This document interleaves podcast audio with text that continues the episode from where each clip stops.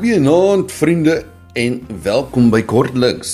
My naam is Rian en dit is Sondag aand. Nie Sondagoggend nie. ek wou Sondagoggend van, vanoggend eintlik wou ek graag 'n uh, kortliks 'n stukkie gedoen het, maar my tyd het my ingehaal. Sondagoggend is ons al vroeg op. 5:00 gaan my wekker af. En dan moet ek vinnig reg vir kerk sodat ek 6:00 al by die kerk kan wees en my tyd het my net net net gemis vanoggend. Maar hier is ek. Ek gaan nie 'n dag probeer oorsien nie. Uh so ja, vanaand lees ek 'n stukkie vanuit Markus 2 vers 13 tot 17. En hierdie stukkie het ek al tevore op stil gestaan, nie op kortliks nie, maar ek het al 'n gedeelte hieroor gepreek. Ehm um, maar nie van Markus nie, maar van die ander evangelies. En maar kom ek lees as 'n stukkie dan deel ek my gedagtes met julle. so in Markus 2 vers 13 lees ons Jesus het weer na die see toe gegaan. 'n Hele menigte mense het na hom toe gekom en hy het hulle geleer. Toe hy by die tolhuis verby gaan, sien hy Leefie, seun van Alfeus daar sit en hy sê vir hom: "Volg my." Leefie het opgestaan en hom gevolg. Daarna het Jesus in Leefie se huis gaan eet.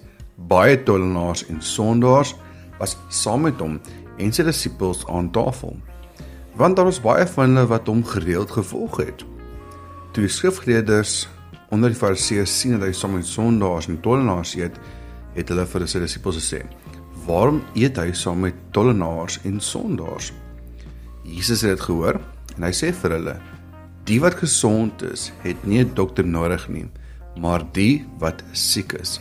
Ek het nie gekom om mense te roep wat op die regte pad is nie, maar sondaars. Nou hierdie gedeelte, ek dink net terug aan die preek wat ek gegee het en die in is 'n preek voor in die jaar en ek het die vraag gestel, vraag gevra nadat ek die teks lees het. Toe vra ek wil wil sondaars en tollenaars wil die die sondaars en tollenaars, dit is nie die slegte mense van 'n samelewing gewees volgens die mens definisie. Ja, hulle was soos die mense wat die outcasts aanbring.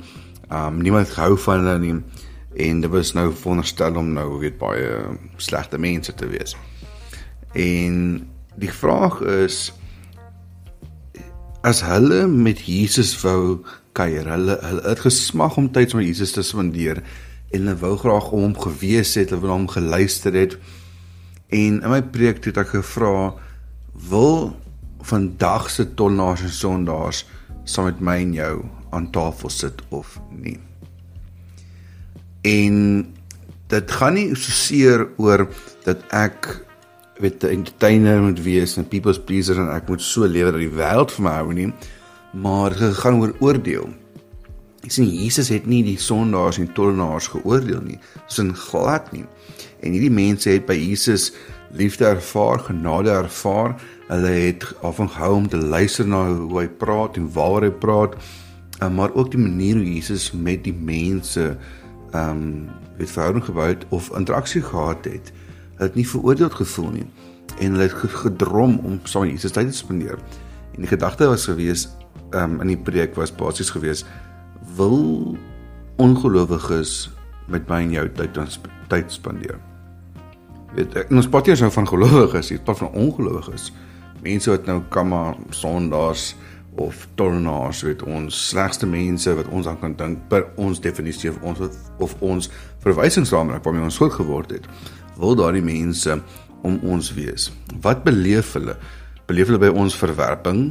Beleef hulle oordeel dat ons neerkyk op hulle dalk nie hoe hulle praat nie die manier hoe hulle dinge doen hoe hulle anders is as ons of verwag ons van 'n sondaar om soos 'n gelowige op te tree. Verwag ons dalk te veel van ongelowiges om soos gelowiges op te tree terwyl nie gelowiges is nie. Boos as 'n persoon nie 'n kind van die Here is nie, kan ek nie van hom verwag om op te tree soos 'n kind van die Here nie.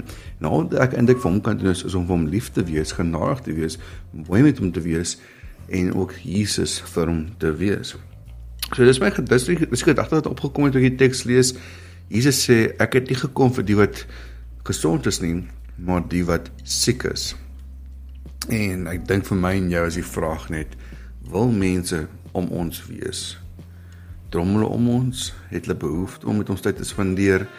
Indien nie, wat moet ek en jy in ons lewe verander om mense na ons te trek dat hulle Jesus se liefde en genade by my en jou sal beleef. Dis die uitdaging vir vanaand. Ek hoop dit gee dalk vir jou ietsie om oor te dink. Dit gee definitief vir my ook weer ietsie om oor te dink. Ehm um, en ja, mag Here ons seën dat ons lig sal wees in die wêreld en sy hande en voete sal wees. Amen. Amen. Nou toe vriende, mag jy geseënde aand verder hê. Mag jy lekker slaap en tot volgende keer.